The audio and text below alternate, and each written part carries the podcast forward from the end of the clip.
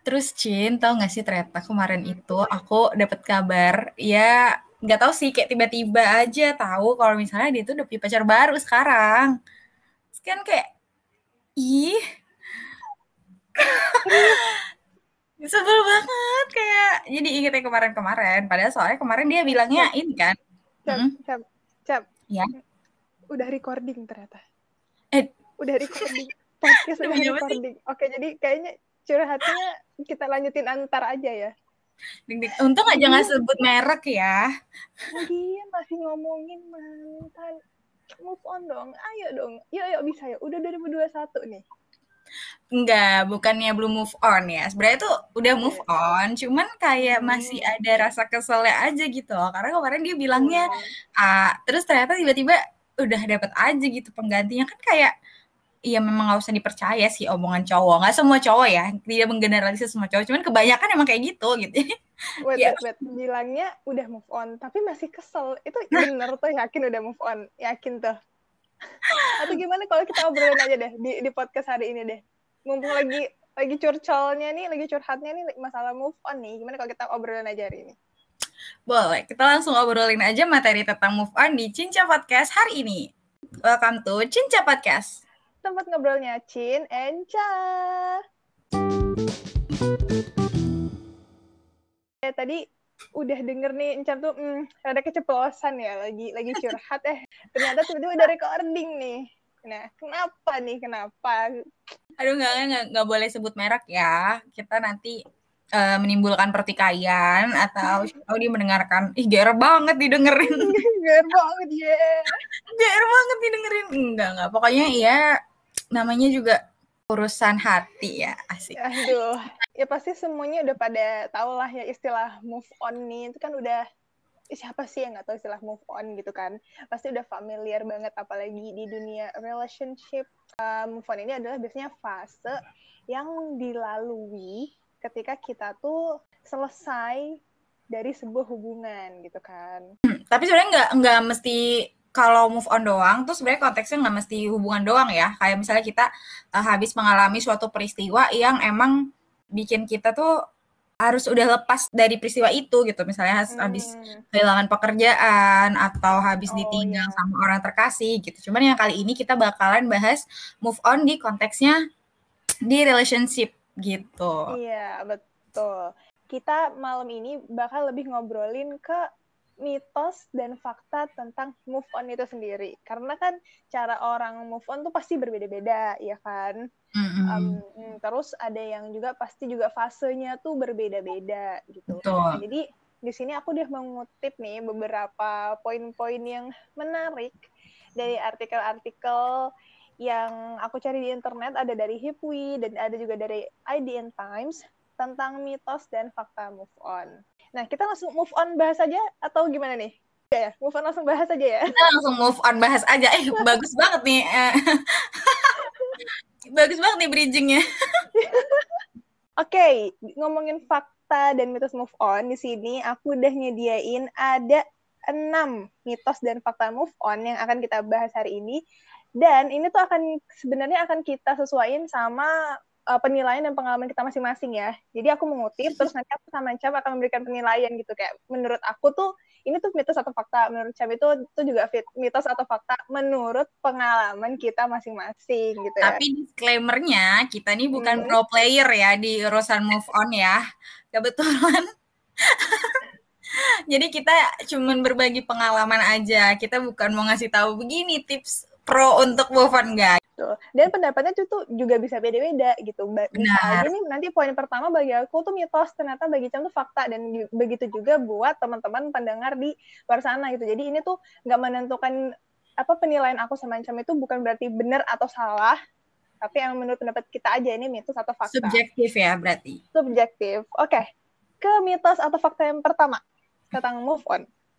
Lamanya waktu pacaran akan berbanding lurus dengan lamanya waktu untuk move on. Mitos atau fakta, Cam? Menurut Cam? Bagi aku ini lebih mitos sih. Sama. Bagi aku juga mitos. Oke. Kalau Cam, alasannya? mitosnya kenapa nih? Kenapa kita sama-sama nanya? Aku, aku, aku dulu atau Cam dulu nih? Cin dulu, Cin dulu. Hmm, kalau buat aku ya, lamanya hubungan itu nggak bisa menentukan karena bagi aku yang bisa menentukan lamanya waktu move on tuh sebenarnya alasan kenapa pisahnya sih. Ya, ya, ya benar. Hmm. Kalau misalnya alasan pisahnya itu ada sesuatu yang menyakitkan atau yang memang benar-benar um, membuat sadar kalau misalnya memang hubungan itu sudah nggak worth it, mungkin akan lebih mudah gitu untuk uh, move on-nya. Kalau misalnya lebih menyakitkan atau emang dipikir secara logika emang oke okay, ini udah nggak bisa dilanjutin lagi nih gitu, akan oh ya udah emang bukan jodohnya, emang mesti lanjutin ya udah uh, move on aja gitu. Karena mm-hmm. bisa aja nih yang pacarannya baru sebentar, maksudnya yang jangka waktunya sebentar, tapi bisa aja tuh lama gitu loh butuh waktu untuk move on-nya. Karena mungkin emang pisahnya tuh misalnya bukan karena mereka udah gak sama-sama sayang tapi memang ada hal-hal yang nggak bisa disatuin gitu. Hal-hal nggak bisa dicari jalan tengah. Contohnya mungkin kayak apa ya? Beda agama. Nah itu juga bisa kayak gitu. Bentar, kayak langsung teringat seseorang makanya tiba-tiba nah. hmm. aduh susah banget nih topiknya. Kayak triggering banget nih Gampang banget mancing Evinta memang saudara-saudara. Nah, kalau Encam, kenapa nih? Kenapa ini mitos? Karena ya kayak tadi beberapa hal udah disebutin sama Cin juga dan Cam setuju kalau misalnya hmm, sebenarnya yang menentukan namanya waktu untuk move on itu ada yang emang uh, relate sama namanya waktu berpacaran tapi nggak nggak cuma itu doang faktor-faktornya salah satunya juga ada tadi faktor alasan kenapa uh, bisa berakhir hubungannya nih gitu kan. Ada juga nih kok yang baru sebentar tapi uh, buat move on itu waktunya butuhnya lama banget gitu. Karena ya bisa aja alasan putusnya atau alasan selesai hubungannya itu kayak hal-hal yang tadi tuh yang yang yang nggak bisa nggak ada solusinya. Yang nggak ada solusinya yang susah lah pokoknya dicari solusinya. Uh, malah karena baru pacarannya sebentar jadi kayak apa ya kayak masih pengen sebenarnya masih pengen untuk kenal lebih deket lagi cuman emang harus diakhiri di tengah-tengah jadi itu kayaknya bisa bikin move on itu lebih lama gitu kan tapi iya. terus ada juga kok yang nggak pacaran tapi nggak bisa move on Iya gitu. Tapi terus ada juga kok yang udah deket lama tapi butuh waktu move onnya tuh nggak nggak lama gitu loh. Kayak ya, karena mungkin sebenarnya perasaannya nggak sedalam itu.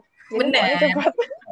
kayak uh, ketika ya, misalnya baru udah deh ntar lama-lama curhat ini parah banget ntar takut banget ketahuan nggak jadi ngomong deh Ayo, lanjut. ya berarti kita move on aja ke poin kedua ya lanjut, move on bun, lanjut nah ke mitos fakta yang kedua adalah kalau kamu udah ngaku move on berarti kamu tuh udah melupakan semuanya dan bukan diinget-inget atau diomongin lagi mitos sih mitos bener karena kita tuh bukan amnesia ya kebetulan bener jadi sebenarnya move on itu adalah kalau menurut Cam ya kalau menurut Cam move hmm. on itu sebenarnya lebih ke merelakan, melepaskan dan lebih ke terbiasa sama kebiasaan baru atau hari-hari baru tanpa dia gitu kan. Kalau namanya hmm.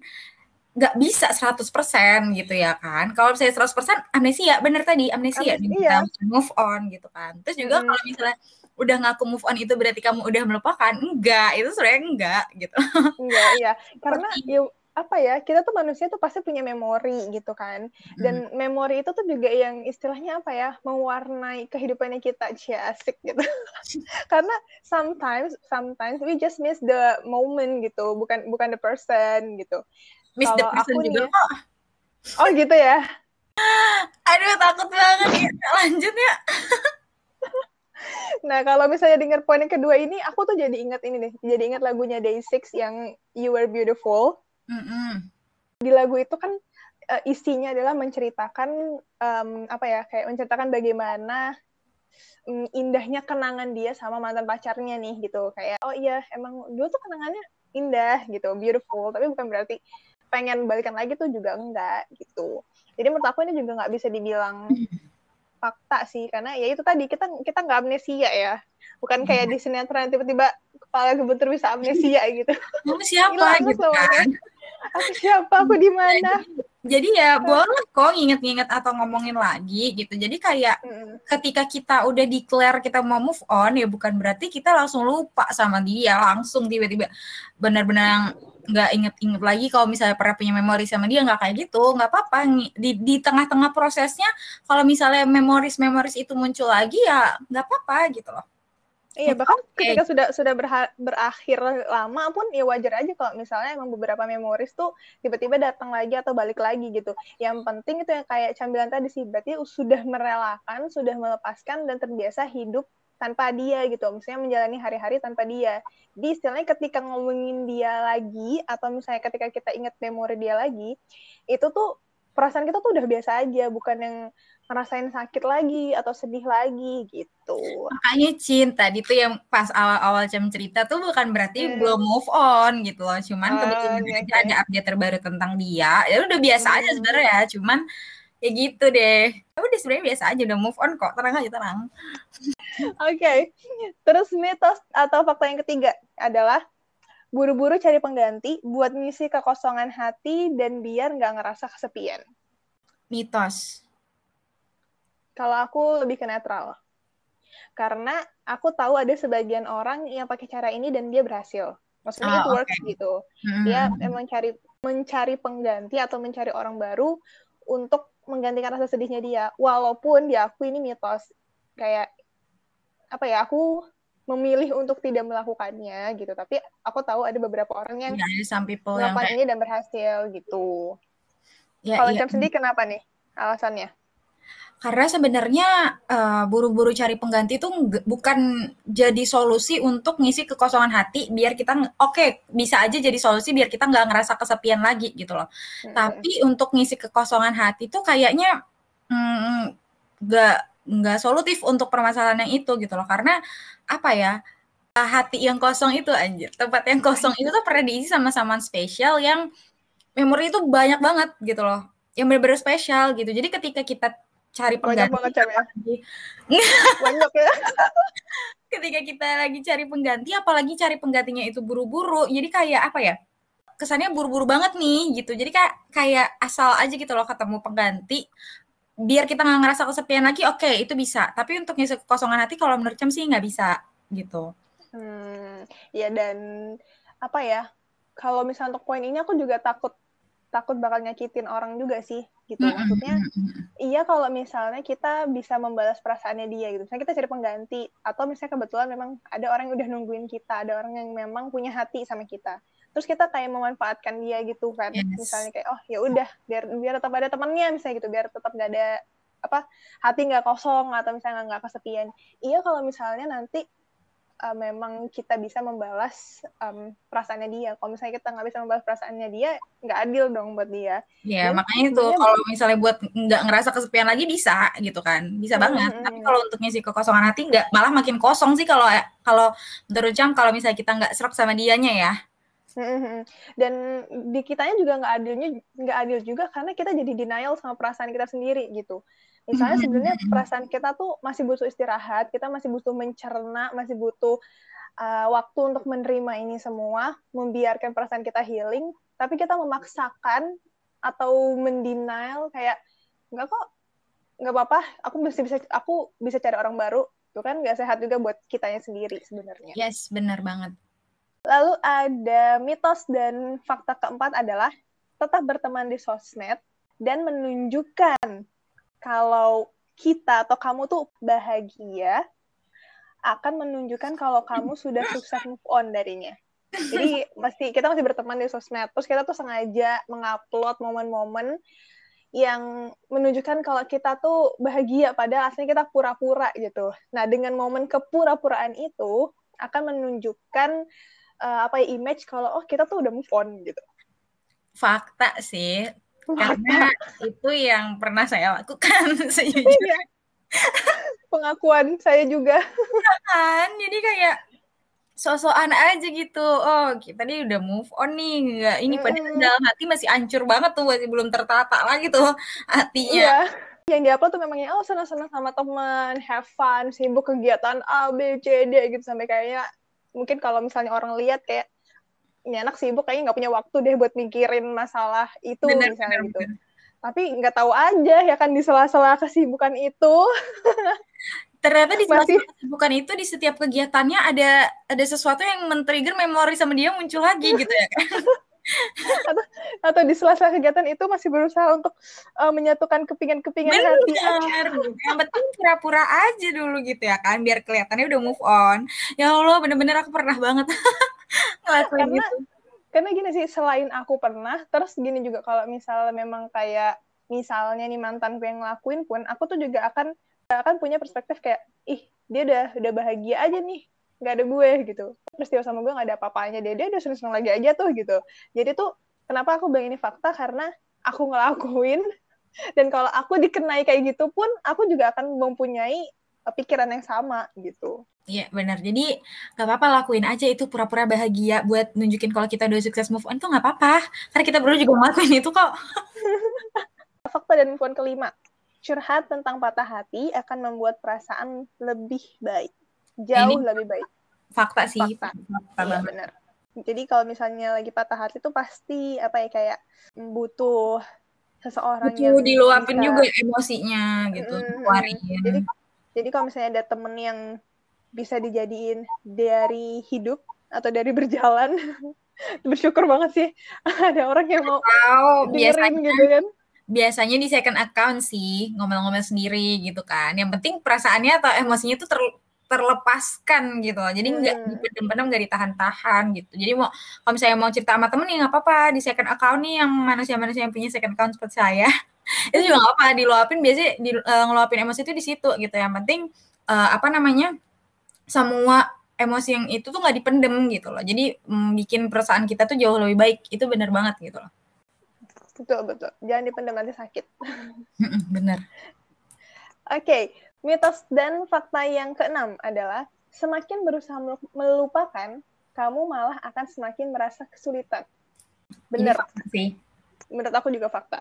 Karena kalau misalnya kita terlalu berusaha nih, artinya kita tuh mikirin dia terus gitu. Iya malah kita tuh uh, apa ya ketika kita terus-terusan mikir aku udah move on belum ya? Aku udah move on belum ya? Malah makin kepikiran ke sana terus gitu loh. Malah kalau iya. misalnya iya. kita ya udah let it go aja jalani hari-hari seperti biasa cari kesibukan dan lain-lain. Lama-lama kita tuh eh, nggak uh, ada waktu gitu loh buat mikirin dia. Tapi ketika kita malah mikirin aku udah move on belum ya? Belum udah move on apa belum? tuh malah bener-bener yang malah makin terus kepikiran sama dia.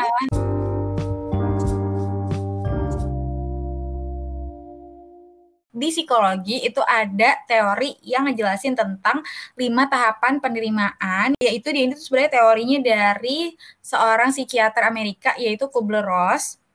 Ini aku ngambil atau aku mengkutip dari Hello Sehat ya. Teorinya Kubler-Ross ini sendiri sebenarnya dibikin untuk pasien yang menderita sakit parah gitu. Jadi dia tahapan-tahapan dimulai dari dia dikasih tahu diagnosis penyakitnya, terus sampai dia bisa menerima diagnosis penyakitnya itu sendiri, bukan untuk orang-orang yang kehilangan orang-orang terkasih gitu atau orang-orang sayang gitu. Tapi ternyata setelah eh, diteliti lebih lanjut, orang-orang terdekat itu juga mengalami tahapan yang sama ketika ditinggal sama orang-orang terdekatnya gitu loh. Makanya beberapa juga pakai teori ini untuk sebuah peristiwa yang menyakitkan bagi sebagian orang gitu loh. Ada lima tahapan penerimaan yaitu ada denial, anger, bargaining, depression, sama acceptance gitu. Nah ini adalah tema skripsiku sebenarnya. Okay. makanya tahu kayak tiba-tiba kepikiran oh iya ini ada um, namanya itu teorinya five stage of grief atau lima hmm. tahapan kedukaan. Uh, di sini uh, kita bakalan ngejabarin sebenarnya teori dari Kubler-Ross ini apa aja. Terus nanti kita kayak uh, bakalan flashback dulu pas kita move on kita ngelewatin gak sih tahapan-tahapan ini? Apakah ada yang diloncatin tahapannya? Atau apakah dari denial tiba-tiba bisa langsung move on atau acceptance gitu kan? Siapa tahu ya. Kan? nah jadi uh, coba kalian uh, jelasin secara teoretikalnya dulu dari teorinya Kubler-Ross ini sendiri. Yang pertama ada tahapan denial atau penyangkalan. Nah tahapan denial ini tuh biasanya yang awal-awal nih. Awal-awal kita nggak mau ngaku kalau misalnya sesuatu itu telah terjadi. Jadi kayak ibaratnya kita belum bisa nerima kenyataan. Kalau misalnya di move on tuh misalnya gini kali ya. Misalnya ada pasangan terus salah satunya misalnya minta pisah gitu. Mungkin tahap dina tuh lebih kayak kamu kamu pasti bercanda kan? Kamu pasti yeah, yeah, yeah. lagi lagi so pikirin lagi deh gitu. Kenapa? ini pasti prank kan? Gitu. gitu. Ini kamu pasti ngeprank aku gitu gitu iya mempertanyakan gitu. Emang kenapa ada masalah apa? Gitu. Nah, atau misalnya setelah H plus satunya biasanya hmm. kayak masih yang benar-benar di denial atau kayak kamu pasti kemarin ngeprank aku kan? Ini cuma bercanda doang kan? Gitu, gitu kamu itu sungguh-sungguh kan sih ya iya gitu. Nah, terus setelah tahapan denial atau penyangkalan ini, ada tahapan yang kedua, yaitu anger atau marah. Nah, sebenarnya kalau di tahapan penyangkalan atau denial ini tuh sebenarnya kayak upaya otak untuk melindungi diri sendiri dari fakta-fakta yang menyakitkan gitu atau fakta-fakta hmm. yang kita nggak bisa menerima itu di denial. Nah, setelah kita Defensive system gitu ya? Mm -mm. Benar. Nah, setelah kita menyangkal itu kita nah di tahapan anger atau marah ini itu adalah tahapan di mana kita melampiaskan emosi yang muncul nih gitu. Misalnya abis putus tuh kan setelah denial kan kayak kamu pasti bercanda ya. Terus kayak uh, doi bilang enggak ngapain aku bercanda baru nih muncul nih kan emosinya mulai oh aku benci banget sama kamu kamu pasti nyesel bla bla bla bla bla bla nah, iya oh iya misalnya kayak sumpah kamu tuh jahat banget iya. gitu-gitu kali ya. ya kamu pasti nyesel mutusin aku nah sebenarnya kita tuh tahu kata-kata yang diucapin tuh nggak baik gitu kan cuman ya emang itu tuh iya. lagi di tahapan anger jadi kita tuh ada di tahap yang belum bisa berpikir logis waktu itu gitu kan. Setelah melewati fase anger ini, kita melewati fase bergaining atau tawar menawar gitu kayak mulai bertanya-tanya atau kayak mulai bernegosiasi gitu ya. Jadi kayak bisa aja bisa aja eh, kita tuh ngerasa masih ada jalan keluar yang bisa ditempuh gitu loh. Enggak, enggak, kita tuh masih bisa. Kita tuh masih bisa works, masih ada jalan keluarnya dari permasalahan yang kita hadapi. Misalnya kita bisa aja nyoba balikan sama dia atau uh, meyakinkan dia kalau misalnya kita nih masih bisa keadaan yang kemarin itu masih bisa diperbaiki. Jadi beberapa yang uh, definisi tawar menawar gitu. Atau bisa juga ya kayak berpikir atau berandai-andai gitu misalnya kayak oh coba misalnya aku lebih treat dia lebih, lebih baik gitu. Uh, atau coba misal misalnya kemarin aku lebih sabar jadi kita nggak berantem mm -hmm. jadi kita nggak gini-gini uh, coba seandainya gini-gini gini gitu. Itu masuk tahap bergaining juga kayaknya iya ya benar tawar menawar gitu. Nah sebenarnya di, di di fase ini tuh kita tuh lagi menunda nunda datangnya rasa sedih sakit dan perasaan semua perasaan bingung yang muncul karena uh, peristiwa tersebut. Nah setelah itu karena sudah di tahapan kalau udah melewati tahapan bergaining atau tawar menawar ini barulah di masuk ke tahapan keempat yaitu tahapan depression atau depresi gitu kan. Hmm. Karena dari ketiga uh, fase di atas atau ketiga fase sebelumnya itu itu tuh kayak seakan-akan kita tuh mendinai semua perasaan negatif, semua emosi kita kayak kita nggak mungkin nggak nggak mungkin ini terjadi gitu, nggak mungkin aku tuh sama dia, aku masih pengen perbaiki itu sama dia gitu. Jadi beratnya di tiga tahapan sebelumnya kita tuh ngelawan emosi negatif tapi sebenarnya nggak hmm. belum diluapkan kan sebenarnya emosi-emosi itu masih ada dan menumpuk gitu loh menumpuk di diri kita hmm. yang lama kelamaan bisa bikin kita tuh ngerasa putus asa terus kayak kita bakal ngerasa aku nggak bisa hidup tanpa dia gitu loh. Aduh. Apa jadinya aku tanpa dia? Aku nggak tahu aku mau ngapain tanpa dia nah, gitu kan. Tapi ada orang-orang yang emang sampai ada di tahapan ini gitu kan. Nah, di, hmm. di fase depression ini tuh semua hal negatif tuh bakalan kumpul nih di di sini gitu loh. Kita juga bakal bisa ngerasa kesepian, kehilangan nafsu makan, susah tidur. Pokoknya ini tuh tahapan yang paling kayak ibaratnya tahapan yang paling uh, apa ya paling rendah banget gitu loh. Karena kita udah ngerasa yang benar-benar udah aku nggak bisa hidup tanpa dia. Itu tadi ya tahapan yang benar-benar sampai di tahapan mm-hmm. itu gitu. Nah tapi setelah kita melalui empat tahapan itu barulah kita bisa sampai di tahapan yang kelima yaitu acceptance atau penerimaan. Tapi di tahapan ini bukan berarti kita udah bahagia atau udah bisa move on sepenuhnya gitu di tahapan hmm. ini tuh hmm. simply ngejelasin kalau kita udah bisa nerima kalau hal buruk itu terjadi. Oh oke okay, aku udah putus sama dia. Oke okay, gitu. Kita udah bisa nerima kita udah nggak menyangkal menyangkal lagi. Kita udah nggak berusaha untuk nge-reach dia lagi gitu loh. Baru setelah kita bisa apa ya ibaratnya kita nerima aja dulu. Oke, okay, kita udah putus sama dia. Oke, okay, udah kita terima, kita nggak menyangkal-menyangkal lagi. Baru setelah itu kita siap-siap untuk move on gitu tahapannya gitu. Uh, pertanyaan selanjutnya adalah dalam proses move on Chin apakah sudah melalui uh, kelima tahapan ini atau cuman beberapa tahapan aja nih yang yang dilalui selama move on kemarin? Kayaknya sih aku nggak melewati semuanya. Mm -hmm. Tapi yang pasti kalau kalau denial enggak sih. Aku nggak pernah denial. Kalau misalnya udah selesai ya selesai. Kalau ke anger, hmm, mungkin kayaknya iya. Tapi maksudnya nggak nggak ekstrim banget sih. Nggak marah-marah ke dianya langsung gitu mungkin. Enggak sih, enggak. Tapi emang kayak bisa pas curhat ke temen gitu ya. Ah, iya. Dia tuh gini-gini gitu. Itu kan masuk juga tuh ke anger ya, gitu kan. emosi. Mm -mm. Terus kalau bargaining, bargainingnya aku tuh lebih ke yang aku bukan yang, yang ngajak eh, eh kita masih bisa work hubungan ini kita masih enggak sih aku nggak bargaining ke orangnya cuman bargaining kayak lebih beranda-anda yang kayak tadi aku bilang Kalau bergaining sih lebih ke situ. Terus kalau yang depression kayaknya enggak juga sih. Kayaknya abis itu ya udah langsung ke langsung nerima aja. aja. Kalau Encam gimana? kalau tanda balik Anda. Hmm, kayaknya lebih ke ada dua peristiwa besar dalam hidup ini yang membutuhkan proses move on gitu ya. Uh, uniknya dia dia mengalami tahapan yang berbeda-beda di, di, di, di dua kasus ini. Kita sebut saja inisialnya si A dan si B gitu ya. Si A ini kasusnya adalah first love yang ya tahu sendiri ya susah banget dilupainnya. Iya dan dan biasanya juga gak pernah berhasil ya. ah, boleh di, akhiri aja gak sih podcastnya sama sini? nah yang kedua kita sebut saja inisialnya B gitu kan. Nah uh, ini tuh kasusnya lebih ke ya sama-sama nggak jadi sih. Kalau yang first love ini kayaknya nggak ada nggak ada denial, anger oh. juga enggak, bergeni juga enggak. Dia langsung ke acceptance gitu kan. Saya juga bingung gitu kayak kayak oh kayaknya lebih ke ini sih dari awal sudah sadar kalau misalnya kita tuh tidak bisa bersama. Ini kok jadi kayak banget ya. Tapi sudah sadar dari awal tidak bisa bersama tapi masih membiarkan perasaan itu tumbuh. Tapi masih nekat. Apa?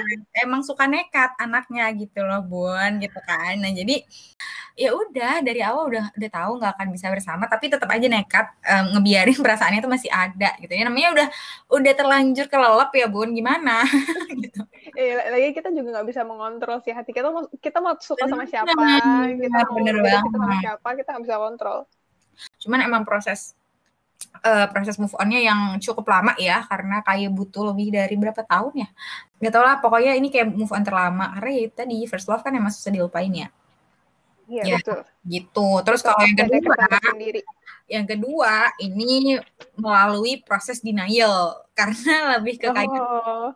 denialnya lebih ke yang, hah, nggak mungkin lah masa tiba-tiba dia udah jadian sama orang lain gitu nggak mungkin nih pasti ini bener gak sih? Kayak gitu. Terus yang kedua marah of course. Tentu saja saya marah gitu kan. Karena kayak yang ih apaan sih? Aneh banget nih orang gitu gitu soalnya tuh dapat gitu. Aku ngelewatin fase denial terus habis itu marah iya. Karena kayak hmm. tiba-tiba ini kasusnya kayak tiba-tiba ditinggal gitu ya guys.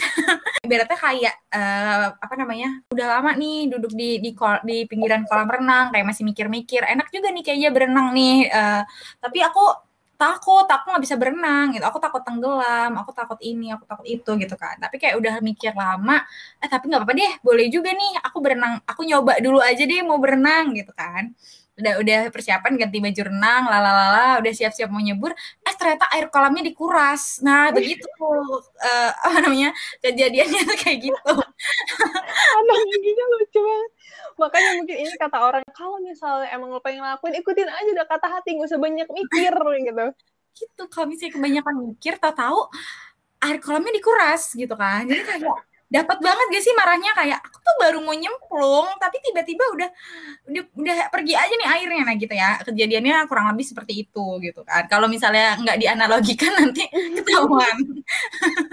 Kalau bergaining sih oh ya lebih ke berandai-andai kayak coba aja aku nggak mikir lama-lama mau, mau uh, iya, gitu kan. Coba aja aku ah kemarin kelamaan mikir coba aja kemarin langsung aja nyemplung gitu kan. Mm -mm. coba gitu. kemarin nggak pakai takut-takut gitu ya. Hmm, tapi kalau depression nggak alhamdulillah nggak nggak sampai ngerasa depression langsung langsung acceptance aja gitu kemarin. Nah jadi kayak eh, dua kisah yang membutuhkan proses move on tapi ternyata tahapannya beda banget gitu kan. Sebenarnya relate sama yang mitos atau fakta pertama tadi itu nggak sih? Tergantung case-nya kan jadinya. Mm, mm, mm, bener-bener case-nya tapi pernah nggak ada apa ngerasain yang namanya gagal move on? Gagal move on. Gagal move on tuh yang gimana okay, dulu gak, Gak, sampai nggak yang sampai sekarang belum bisa move on ya, tapi dulu dulu banget kayak udah yang berusaha buat buat move on tapi ujung-ujungnya kayak susah banget gitu kayak masih keinget di tengah-tengah prosesnya tuh kayak yang udah lu mau mau seberapa keras pun aku berusaha kayaknya kok masih keinget-inget dia mulu gitu loh. Kayaknya ada deh. Pernah.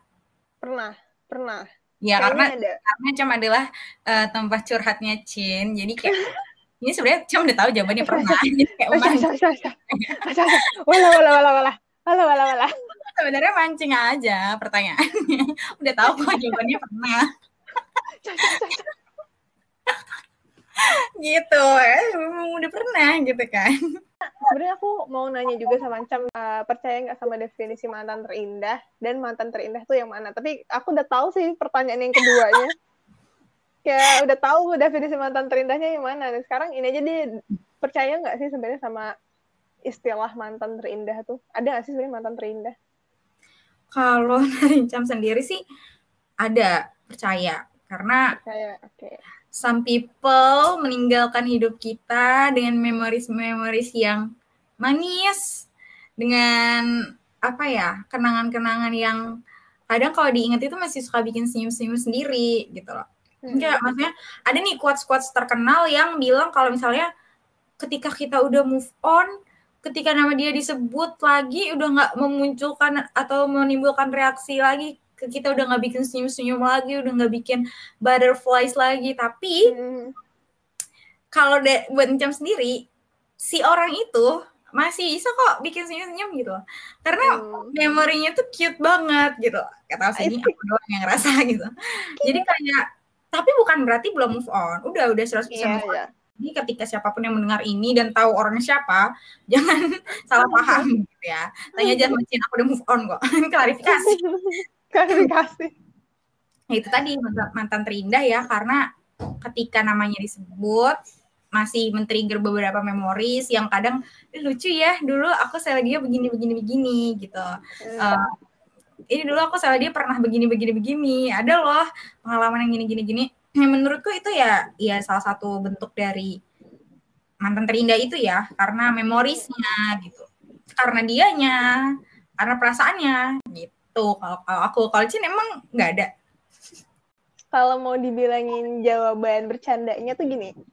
Kalau misalnya orang tanya sekilas menurut kamu ada nggak sih mantan terindah? Ya kalau kalau terindah ya harusnya nggak jadi mantan gitu.